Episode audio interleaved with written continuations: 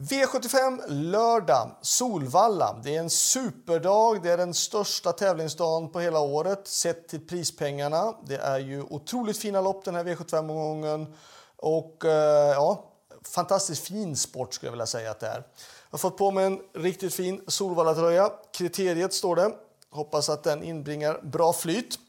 Eh, vi ska gå rakt på då, V75 på Solvalla. Och... Eh, V751 är ju såklart superintressant. Det är ju då finalen i UET Elite. Det är de som har varit, eh, hästarna som har varit bäst under hela, Europa, under hela året i Europa och tävlat. De äldre hästarna och eh, fantastiskt fina hästar såklart med. Eh, San Motör är med och det är klart att det är jättekul att han kommer tillbaka nu efter det här Bergsåker då han var lite sjuk. Men nu har han återhämtat sig och ser fin ut, ser pigg och glad ut. Men jag blev inte så där jättepigg och glad när jag såg att vi fick spår 8 såklart bakom bilen. Det var ju ett, kan jag tycka, kanske det sämsta spåret för våran del. Jag hade väl haft nästan alla andra spår utom just spår 8. Um, ehm, men han känns fin, men det är såklart spets och komma fram till döden så allt vad det nu är. Det kommer vara svårt med tanke på just att vi har det utgångsläget som vi har. Så vi får försöka flita oss lite grann mer på turen den här gången. Som lottningen blev så blev det ju en stor, stor fördel för nummer ett Vivid Vice Ass. Vi har ju sett honom tidigare starta väldigt fort från just spår 1 och jag tror att det är en stor chans att han leder loppet runt om och är faktiskt ett tänkbart spikförslag just på grund av den anledningen. Att loppet är 2140 mot Elitloppets 1640 meter, det är en fördel för oss med sämre spår. Eh, men utgångs utgång, utgångssystem så skulle jag vilja säga att det är spik på Vivid Vice Ass. Och värst emot så tycker jag två Go On Boy, självklart. Eh, fyra Honeck, åtta San Motör och sen då bakspårshästarna 10 Ben Gurion Jet och 11 Admiral Ass. Det är de som jag tycker gör upp om, gör upp om loppet på förhand ändå. Vi går istället till V75 2 och det här loppet tycker jag är lite svårt. Eh, har blivit en strykning. Femman är borta och det gynnar ju 6 och 7 tycker jag. Eh, jag tycker att vi ska ta med nummer 1, Luxury River. Kanske ta med nummer 2, Isola Silvåkra. Sen ska vi då absolut ta med då 6 Garden Leaf och 7 Global Collection.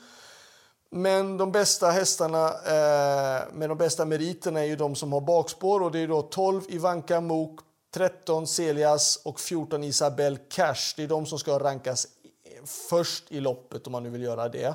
Um, har man råd att ta ytterligare någon häst då skulle jag vilja ta med nummer 11 Loaded Laila i sådana fall. Men 1, 2, 6, 7, 12, 13, 14 är de hästarna som jag har valt att ta med i avdelning 2.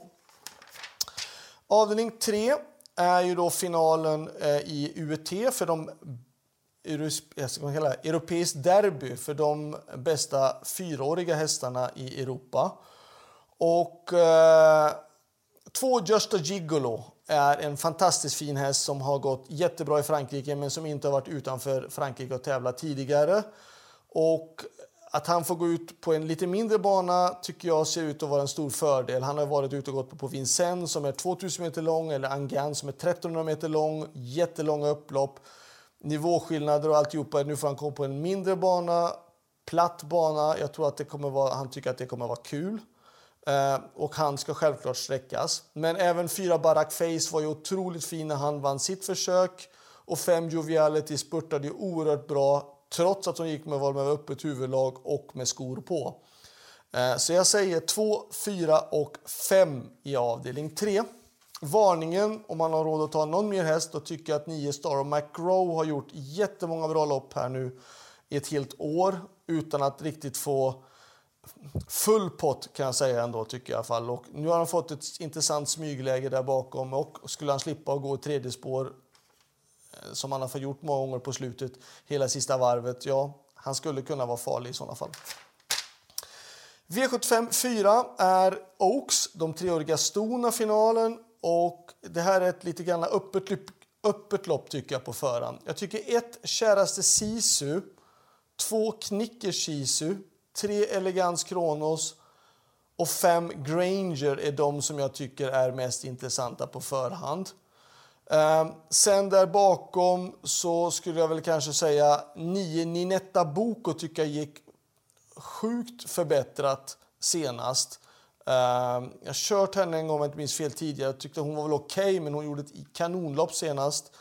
Och eh, hon är absolut värd att passa upp och ta med. Så att 1, 2, 3, 5 och 9.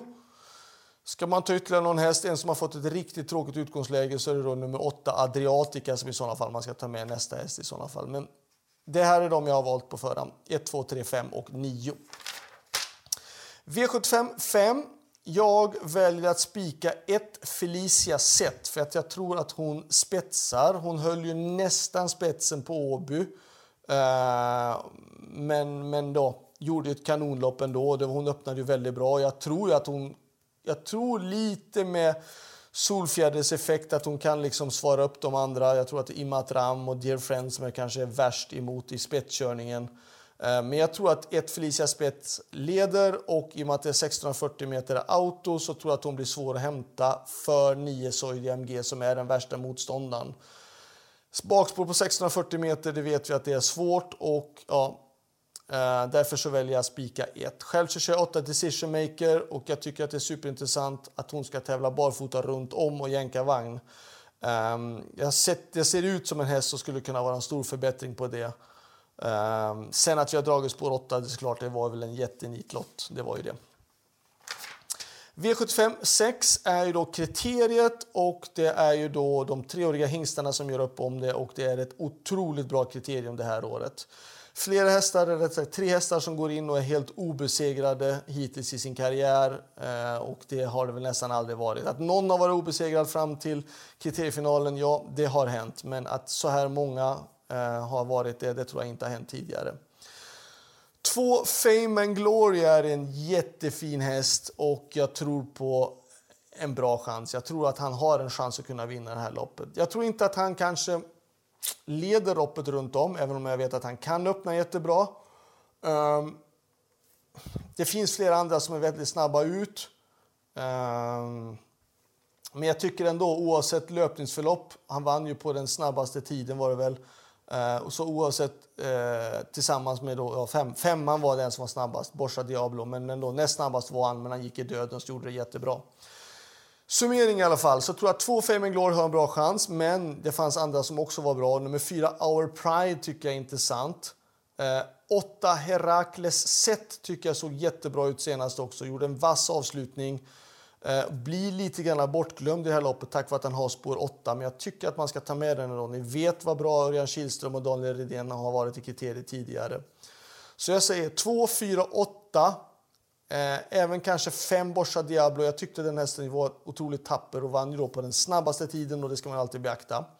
Sen då bakom tycker jag 3 Nori Di Quattro ska inte glömmas bort. Hästen har gjort fem starter och vunnit alla fem och det tycker jag också man ska inte glömma bort. Så att 2, 4, 8 och sen där bakom då 5 och 3.